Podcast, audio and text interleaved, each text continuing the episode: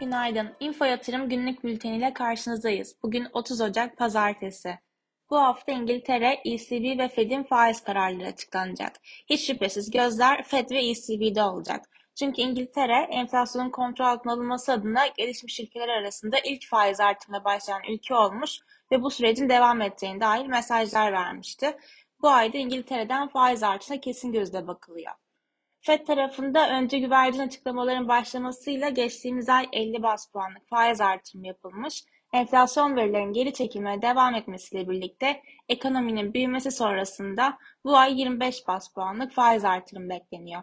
Anketler tarafında 25 bas puanlık ihtimal %99'a yükselirken %1'lik kesim 50 bas puanlık faiz artırımından ziyade faizin sabit kalmasını bekliyor.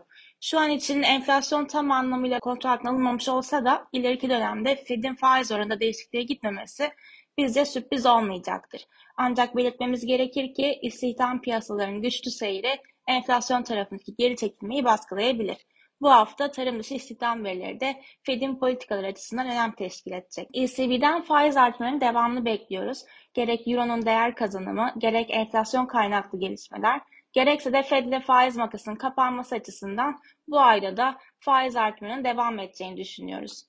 BIST endeksinde kısa vadede 5270, 5360 ve 5480 seviyeleri direnç olarak izlenecekken 5065, 4940 ve 4850 seviyeleri destek olarak izlenecek. Borsa İstanbul'un güne yatay başlamasını bekliyoruz.